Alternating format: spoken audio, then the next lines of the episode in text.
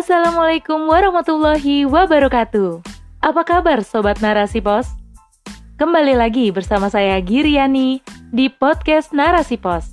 Narasipos.com Cerdas dalam literasi media, bijak menangkap peristiwa kunci. Rubrik Opini. Miris, di alam kapitalis, kaum menyimpang makin eksis oleh Ayah Ummu Najwa. Fenomena penyimpangan LGBT makin meluas, tak hanya orang dewasa, namun banyak anak-anak dan remaja di berbagai negara di dunia sudah terjangkit LGBT. Salah satunya negara Amerika Serikat. Menurut data yang dihimpun dari Universitas California, Los Angeles pada tahun 2017, ada 0,7 persen anak yang berusia 13 hingga 17 tahun yang mengaku transgender atau sekitar 150 ribu orang. Dan parahnya, presentase di usia ini adalah yang tertinggi dibanding orang dewasa. Bahkan, studi yang dilakukan oleh Universitas di Minnesota pada tahun 2018 menyebutkan bahwa anak kelas 9 sampai 11 telah mengaku sebagai transgender atau sebesar 3%. Artinya, satu dari 137 para remaja itu adalah transgender. Angka ini terus bertambah setiap harinya.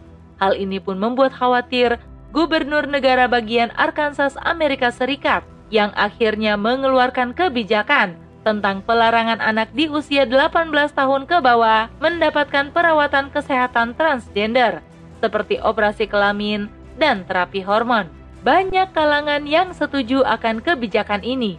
Pasalnya, anak di bawah 18 tahun dinilai masih labil selain alasan kesehatan. Akan tetapi, yang menentang pun tidak sedikit.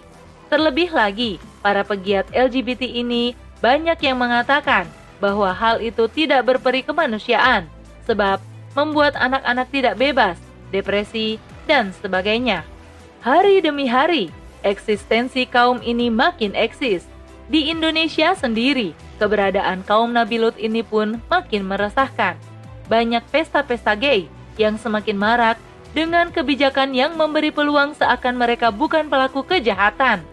Kini masyarakat dibuat marah lagi dengan kembali diadakannya ajang ratu-ratuan kaum penolak kodrat ini di Bali beberapa hari lalu. Ketua Bidang Pengkajian dan Pengembangan Majelis Ulama Indonesia, Profesor Utang Ranuwijaya mengatakan, mestinya ajang-ajang seperti Miss Queen Transgender dilarang diadakan di Indonesia. Melalui Munas ke-8 tahun 2010, MUI telah mengeluarkan fatwa terkait transgender yang menyebutkan bahwa mengubah jenis kelamin atau transgender adalah haram, mencakup siapa pun yang membantu melakukan hal itu. Sungguh mengerikan, di negeri dengan penduduk muslim terbesar ini pun pelaku liwat makin berani dengan keringanan dan kelonggaran aturan yang disebabkan penerapan sistem buatan manusia. Indonesia tak mampu membentengi rakyatnya dari perilaku laknat ini. Kapitalisasi telah membawa Indonesia menjadi negara pembebek dan membuka lebar keran penjajahan dari semua lini, baik politik, ekonomi, sosial, hingga pemikiran. Akibatnya, generasi rusak dan perilaku jauh dari agama semakin meluas. Eksistensi kaum menyimpang ini tak ada surutnya, bahkan sampai menyasar anak-anak. Sangat berbahaya sekali. Banyak anak dan remaja terkena pemikiran rusak ini, bahkan sampai ingin ganti kelamin. Jika semakin banyak orang yang tidak mau menerima jenis kelamin aslinya dan memilih menjadi transgender, penyuka sesama jenis, maka akan hancur dunia. Manusia akan mati dan habis tanpa regenerasi. Sesungguhnya, Allah menciptakan laki-laki dan perempuan berpasang-pasangan untuk membentuk keluarga dan menghasilkan keturunan, sehingga populasi manusia bisa terus bertahan sampai hari ini. Walau sampai kapan pun, sesama jenis tak akan pernah menghasilkan keturunan karena Allah Subhanahu wa taala telah menegaskan dalam surat An-Nisa ayat 1, "Hai sekalian manusia, bertakwalah kalian kepada Tuhanmu yang menciptakanmu dari diri yang satu, kemudian Allah menciptakan pasangannya, yaitu Hawa, darinya Adam. Dan dari keduanya, Allah mengembangbiakan laki-laki dan perempuan dengan jumlah yang banyak. Bertakwalah kepada Allah, yang dengan menyebut namanya, kamu saling meminta, dan jagalah hubungan silaturahmi. Sesungguhnya Allah senantiasa menjaga dan memperhatikanmu.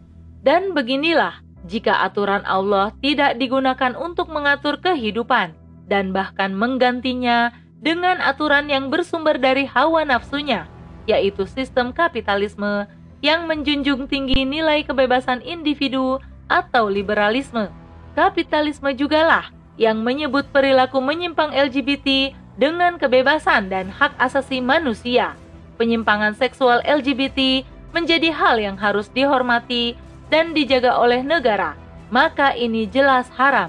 Dalam Islam, LGBT termasuk perbuatan fahisyah yang dilaknat oleh Allah.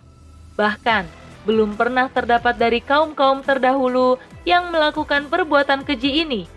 Dalam surat Al-Ankabut ayat 28, Allah berfirman, Dan ingatlah ketika Lut berkata kepada kaumnya, Kalian benar-benar melakukan perbuatan keji atau homoseksual yang belum pernah dikerjakan oleh seorang pun dari umat terdahulu sebelum kalian.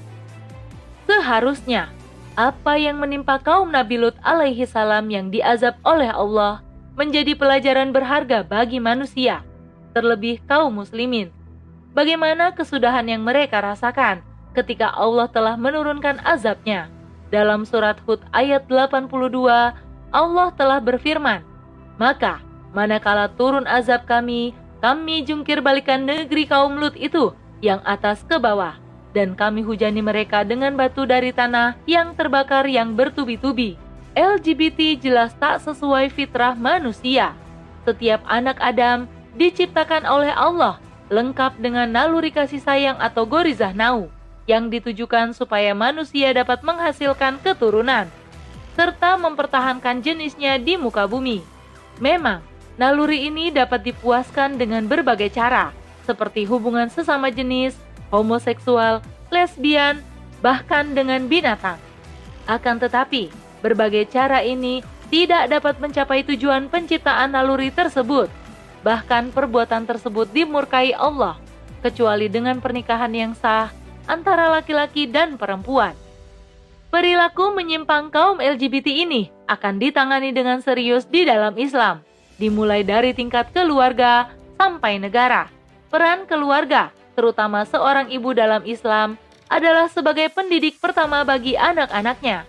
Seorang ibu haruslah menanamkan akidah Islam, mengenalkan dasar-dasar syariat, dan membentuk anak-anaknya menjadi Muslim yang berkepribadian Islam.